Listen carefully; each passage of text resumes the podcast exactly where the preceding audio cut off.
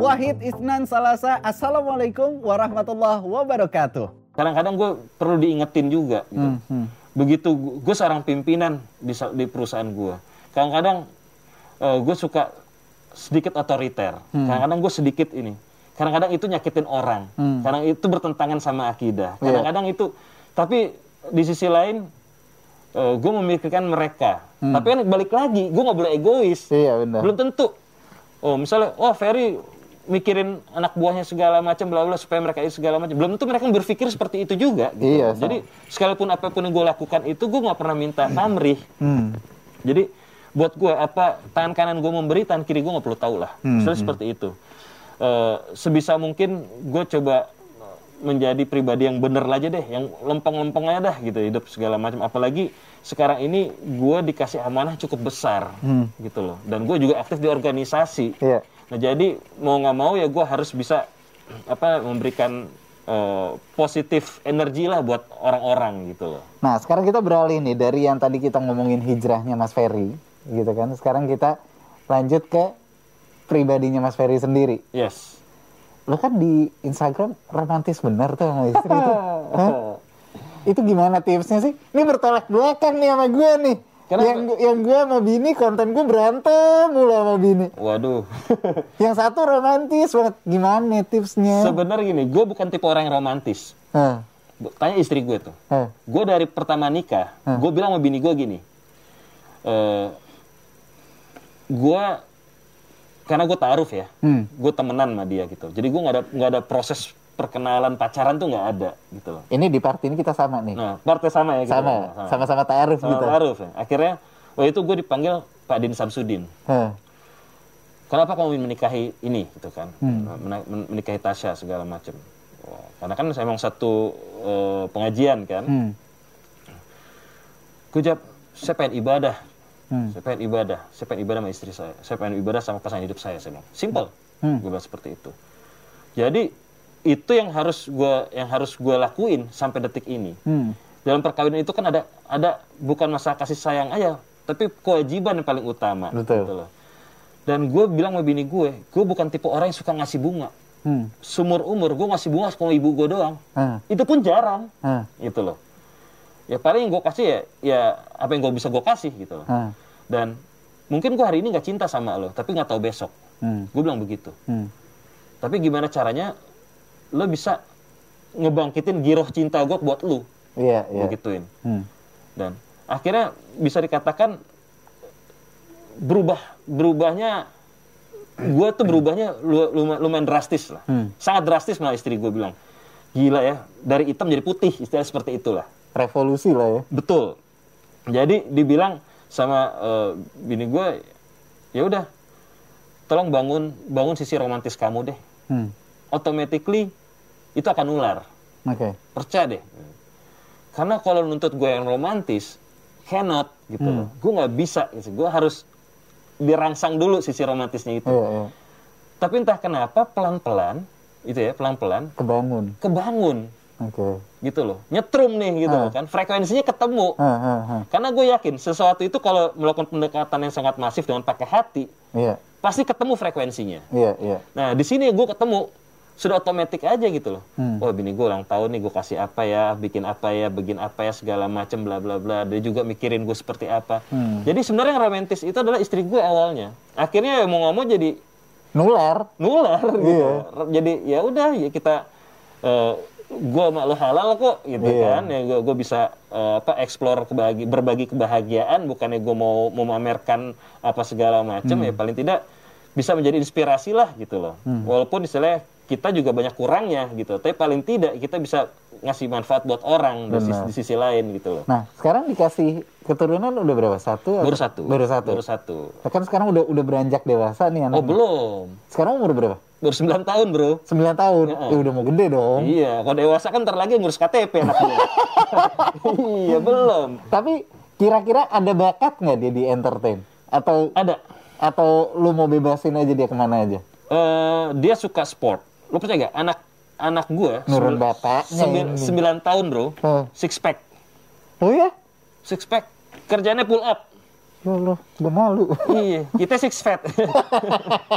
dia six pack. Olahraganya, masya Allah. Eh, Dan gue memang di rumah lumayan lengkap lah alat-alat olahraga gitu kan. Dalam artian dia suka. Dan anak gue nih pecinta olahraga dan jago banget aktingnya. hmm, oke. Jago acting. Anak gue udah main tiga film, Udah main tiga film. layar, layar lebar. Oke. Nah, tapi gue kalau sinetron banyak banget nawarin dia. Tapi gue nggak mau. Ah, Jangan sinetron. FTV, ntar dulu deh, jangan deh segala macam. Karena eh, itu bukan nyita waktu sekolahnya dia. hmm. Tapi kalau film itu gue selalu pun kebetulan tawaran sinet, eh, film itu selalu pas di libur sekolah. Oke. Maka terakhir itu anak gue main eh, eh, Surgenta dirindukan dua ya. Hmm. Syuting di Budapest bro, Hmm. Hungaria gitu. Hmm. Sebulan anak gue di sana. Waktu itu umur masih tujuh tahun, Tapi pas liburan ya. pas liburan. Oke.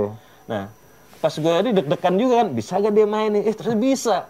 Keren. Iya, bahkan sekarang nih kalau dia pulang nih, Dedi, nah, gue gue stop dia TikTok tuh. Ah, Gara TikTok kan suka explore bakat sendiri ya. Iya. Tapi gue bilang, waduh nggak ini kayak udah terlalu jauh nih. Udah, gue nonaktifin TikToknya dia, Hmm. akunnya dia. Udah, karena selalu ini.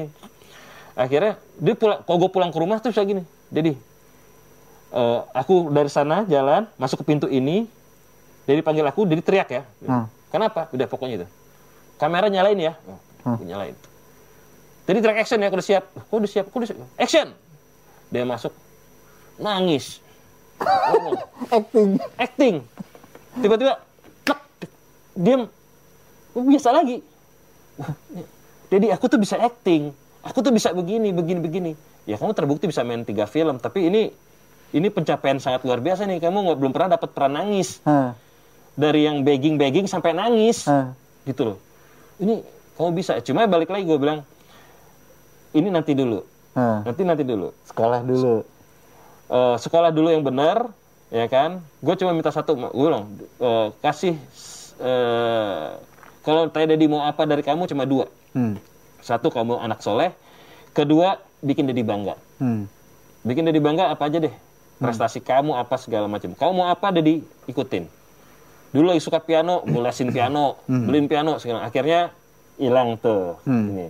Suka main musik main gitar gue ajarin ini hilang lagi. Kesortir dengan sortir sendirinya. dengan tersendirinya. Itu proses alamiah lah soal Iya, iya. menca- mencari jati dirinya dia. Iya, dan ha. gue ngalamin hal itu. Hmm. gue ngalamin hal itu. Tinggal begitu udah dapet aku bilang sama anak gue begitu kamu sudah ketemu yang kamu suka dan kamu konsisten dalam satu tahun aja jadi lihat jadi akan arahin lebih serius Oke. asal istiqomah Hmm. gitu loh siap Dedi ya makanya kemarin tuh anak gue apalagi ikut turnamen Alliance Cup gitu kan Hmm. Eh, antar international school Hmm. tiba-tiba pandemi bro Hmm. padahal dia sudah masuk ke babak yang lebih tinggi gitu Iya. dan finalnya di Thailand harusnya gitu Hmm. tapi ya udahlah Eh, Karena karena sekarang pandemi. pandemi akhirnya sekarang semua daring jadi dia olahraga eh, football kayaknya lagi off dulu gitu loh tapi kalau untuk dunia peran apa segala macem gua Ada eh, bakatnya. bakat bahkan sekarang ini eh, endorsean lebih banyak dia daripada gue Wow. beneran dia nilai endorsean dia tuh nggak main-main bro Hmm, kalau followersnya masih di bawah gue gitu loh Hmm. karena yang yang yang yang ini juga kita tapi Iya. sekarang nih di take down Ah. Eh, eh, dia udah nggak punya Instagram anak gue gitu Hmm. jadi nempel sama orang tua aja lah segala macam Hmm. nah itu dia eh, untuk video-video corporate produk segala macam dia nguasain knowledge-nya Hmm, oke. dia enjoy segala Jadi macam. intinya dari lu pokoknya kelihatan serius ya lu akan arahin Arahin. arah yang serius. Arahin. Mas Ferry ini kan juga punya channel YouTube sendiri namanya Ardiansyah Family ya. betul Kayak channel YouTube-nya. Nah, ini kalau dilihat-lihat kan rata-rata fotonya di situ istri tuh di thumbnailnya istri semua. Itu istri yang bikin atau gimana sih Eh, istri yang bikin thumbnailnya? Thumbnail aja ya, jadi gini kita punya tim lah istilahnya Hmm. kita ada tim jadi eh, awalnya itu gue bikin di Ardiansyah Family ak- akun YouTube Hmm. tapi gue hanya untuk explore kegiatan anak gue Oke. suka suka dia Oke. Waktu dari kecil kita ke Bali Zoo apa sih itu gue bener gue edit secara proper Hmm. ada Lu yang ngedit atau gue ngedit Oke. sama tim gue bantu grafis lah segala macam Gila jago banget berarti lu. Banyak yang lu kuasain deh. jadi gue ini segala macam bener-bener bikin kayak program TV bro Ah, ah, ah. ada OBB-nya segala macam Iya, segala macam terus ada ini segala macam lah gitu Hmm. sampai gue pikirin itu eh, insight-nya buat nanti kalau ada produk mau masuk ah. udah gue bikinin di situ plottingnya gitu Nah cuma itu kan harus istiqomah juga ngerjain ini kan. Ah. Kalau gue lagi ini doang, tapi kalau kerjaan lain numpuk nggak kepegang. Iya, itu. pasti. Bini gue marah-marah. Ah. Lo mau kayak gimana pakai seperti ini? Udah gue bikin sendiri deh. Hmm. Ya kalau pakai namanya Ardiansa Family aja. Itu nggak usah pakai dia, bikin akun baru aja. Ah. Biar duitnya masuk ke akun anak. Eh, Oke, gue bilang. gitu. Ah. Akhirnya dia bikin. Ah. Nah, gue ini kan sebenarnya bukan tipe orang yang suka, eh guys, eh guys," gitu, iya. bukan gitu. Jadi eh eh, apa namanya? Bu- lebih sering, lebih senangnya gue yang ngedirecting gitu loh, Oke. gitu loh. Jadi gue bilang bini gue, oke kita bikin akun YouTube. Hmm. Ardiansa Family. Tapi kita terkonsep ya, gituin. Karena gue kan manusia konsep gitu loh. Hmm, hmm. Hidup gue tuh semua tuh harus by konsep, Udah terbiasa dengan konsep gitu. Konsep, eksekusi gitu loh lakuin. Ya. Bini gue nggak maunya eh, kehidupan sehari-hari aja, kehidupan uh, apa, Vlogging lah ya. Iya vlogging biasa aja segala macam ya. Ya nggak ketemu nih mau gue nih. Ya udahlah kayak gitu lo aja, gue gituin. Hmm. Nanti gue tipis-tipis lah gue in frame gitu kan. Tapi bukan berarti gue harus. Jadi gue tuh nggak nggak ikut ikutan sebenarnya. Jadi Nggak- nggak- full full istri nih sekarang. istri sama anak gue. Tapi ada dedicated tim kita juga sih yang ngedit, yang Oke. apa segala macam. Tapi sekarang supervisi langsung bini gue aja untuk kayak misalnya preview sebelum rilis dia ini segala. Jadi gue nggak mau ikut campur lah Hmm. urusan itu segala macam. Jadi Tapi eh, apa namanya core kontennya itu em- emang family terus. family aja udah family aja tuh paling paling nanti kalau misalnya ada eh, ya ada event apa ataupun Hmm. ada kegiatan yang berkaitan sama apa ya mungkin tuh bisa bisa bisa gua ada di situ gitu loh Tapi kan dengan dengan scoop family itu kan konten tuh kan jadi terbatas sebenarnya. betul Iya kan? Karena lu nggak nggak melebar ke mana-mana gitu kan. betul Nah, gimana caranya sampai akhirnya si YouTube itu bisa jalan terus dengan core konten yang sama gitu loh. ya karena memang kita nyob pertama gini gue udah selalu bilang sama bini gue Hmm. gue mempelajari YouTube tuh seperti apa Oke. gue mempelajari bagaimana optimasi YouTube Hmm. gue mempelajari bagaimana kita mempelajari social blade di YouTube Hmm. gue arahin seperti itu ke bini gue Hmm. Makanya kita harus istiqomah nih kalau bikin kayak gini harus terkonsep. Hmm. gitu terkonsep rapih bla bla bla bla bla. Kalau mau nyari cuan di situ ya harus rapih. Hmm. karena kan kebijakan YouTube sekarang tahu sendiri harus 10.000 jam setahun, Iya benar. ya kan? Iya. dan lo harus eh, konsisten selama seminggu. Minimal eh, durasi bisa berapa apa 10 menit ke atas kalau nggak salah. Harus seperti itu. Baru bisa eh, monetize gitu loh. Untuk setelah eh, setelah kuota itu tercukupi dan memang itu sudah kita sudah tercukupi sebelum kebijakan itu Hmm.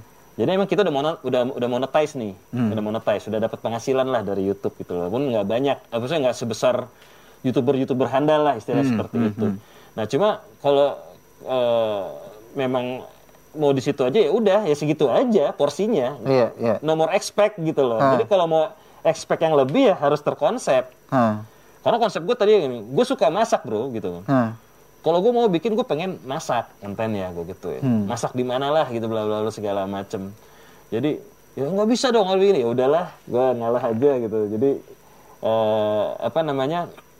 Ya udah enjoy seperti itu. Paling tidak kita punya dokumentasi keluarga lah, istilah seperti itu. Nah, tapi kayak lu punya bayangan dong berarti ke depannya si konten-konten ini atau si YouTube lu ini bisa dibikinin konten-konten lainnya gitu kan kayak kayak misalkan lu suka masak atau lu Iya. mau bikin konten lain itu udah udah terarah ke sana dong. Udah terarah, udah ter. Gue gini, bahkan gue udah punya udah punya deck deck programnya. Hmm. Gue udah bikinin. Oke.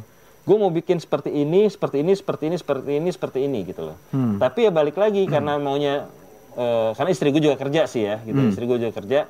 Udah kita bikin daily vlog aja lah segala macam gitu. Ya udah gue ikutin balik seperti itu aja. Tapi kalau misalnya eh, gue diminta sama teman-teman ada beberapa youtuber lah ya, Hmm. datang segala, bang ini gimana segala macam nih, optimasi itu seperti ini YouTube nih, bla bla bla bla bla bla bla. bla. Knowledge-nya gue kuasain, Hmm. tapi gue sendiri bukan praktisinya, gitu loh Eksekusinya enggak. eksekusinya enggak gitu loh. Harusnya kan gue, gue mau gue selalu bilang gini, gue ini terbiasa melakukan sesuatu, gue harus ngebidanin dulu, Iya, gitu. iya, baru iya. tahu gitu Iya. kan. Gimana gue mau ngebidanin nih? Karena bas- basically gue juga bukan tipe orang yang suka ngevlog gitu, Ah. bukan suka, bukan gue, bukan suka yang, eh guys, bukan bukan seperti itu gitu. Ah. Jadi kalaupun ada ya udah, ya ada campersnya deh. Ah. Nah, gue itu segala macem. Gue nggak- jujur men, gue nggak pede bawa kamera ke mana-mana gini-gini, gue nggak pede. Karena lu artis loh. Gak tahu kenapa gitu loh.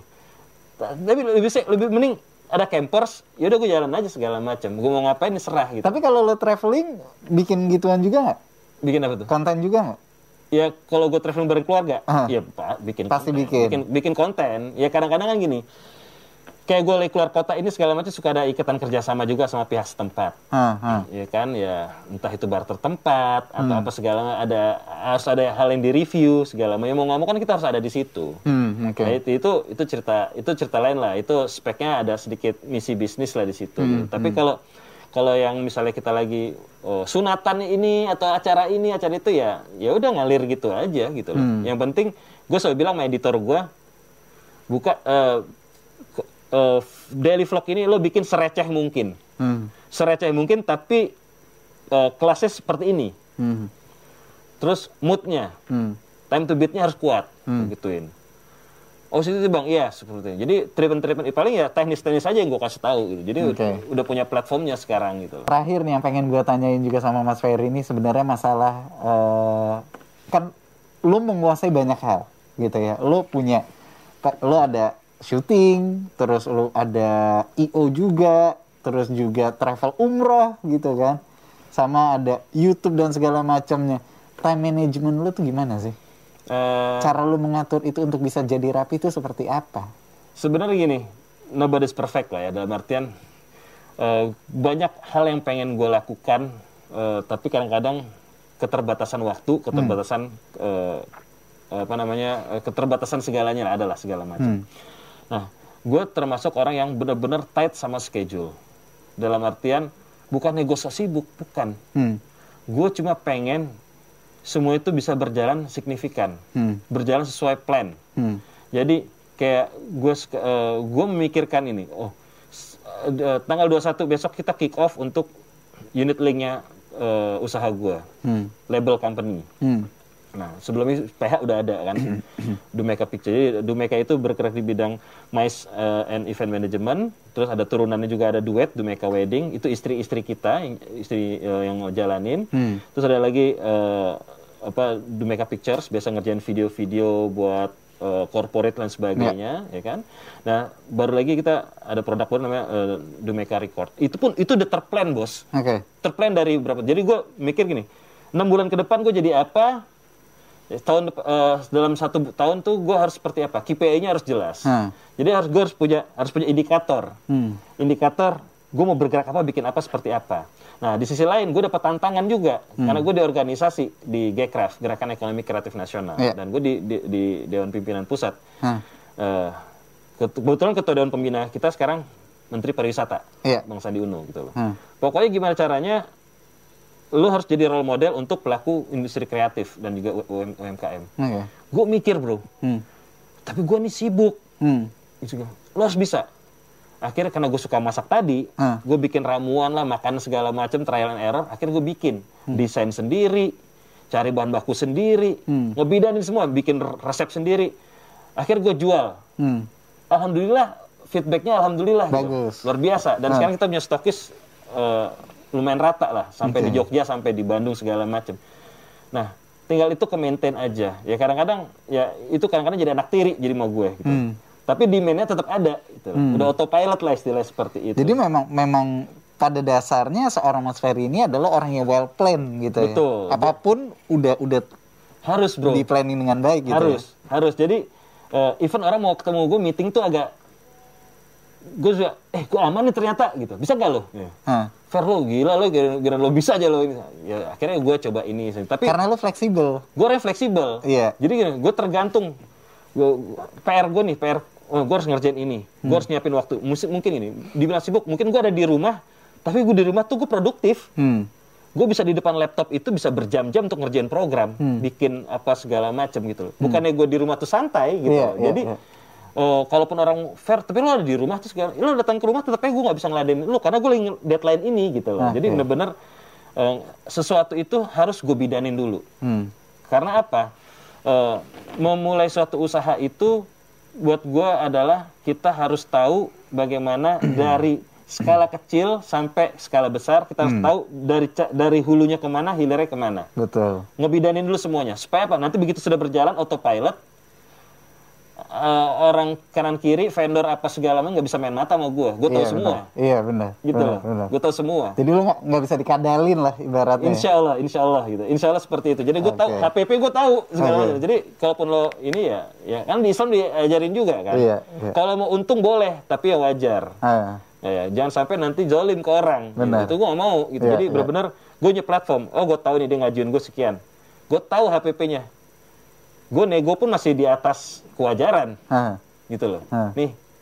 Oke bang, proof. Gue tahu pasti dia akan shake hand sama gue kan. Karena ya karena masih masuk. Masih gitu. masuk di Jadi, dia. Nah, karena buat gue juga masih aman gitu. Ah, Jadi win-winnya seperti itu. Kadang-kadang ada juga kan orang tahu tahu HPP tuh dicekek orang ini. Nah, Iya, karena iya. gue tahu rasanya dicekek seperti apa gitu Ah. sama klien. Jadi eh, hal-hal seperti itulah yang selalu gue yang Oke. selalu gue jalanin. Gitu. siap.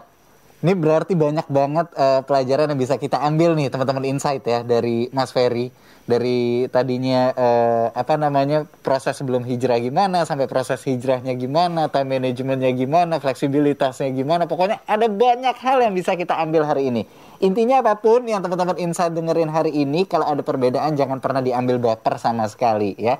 Jauh di lubuk hati kita bisa tahu nilai-nilai kebaikan dan juga kebenaran. Akhirnya Mas Ferry pamit undur diri Ya, Terima kasih banyak Wip. sama-sama saya Sahil Mulahela juga pamit undur diri. Kita ketemu lagi di episode-episode berikutnya. Salata Isnan Wahid. Wassalamualaikum warahmatullahi wabarakatuh. Waalaikumsalam warahmatullahi taala wabarakatuh.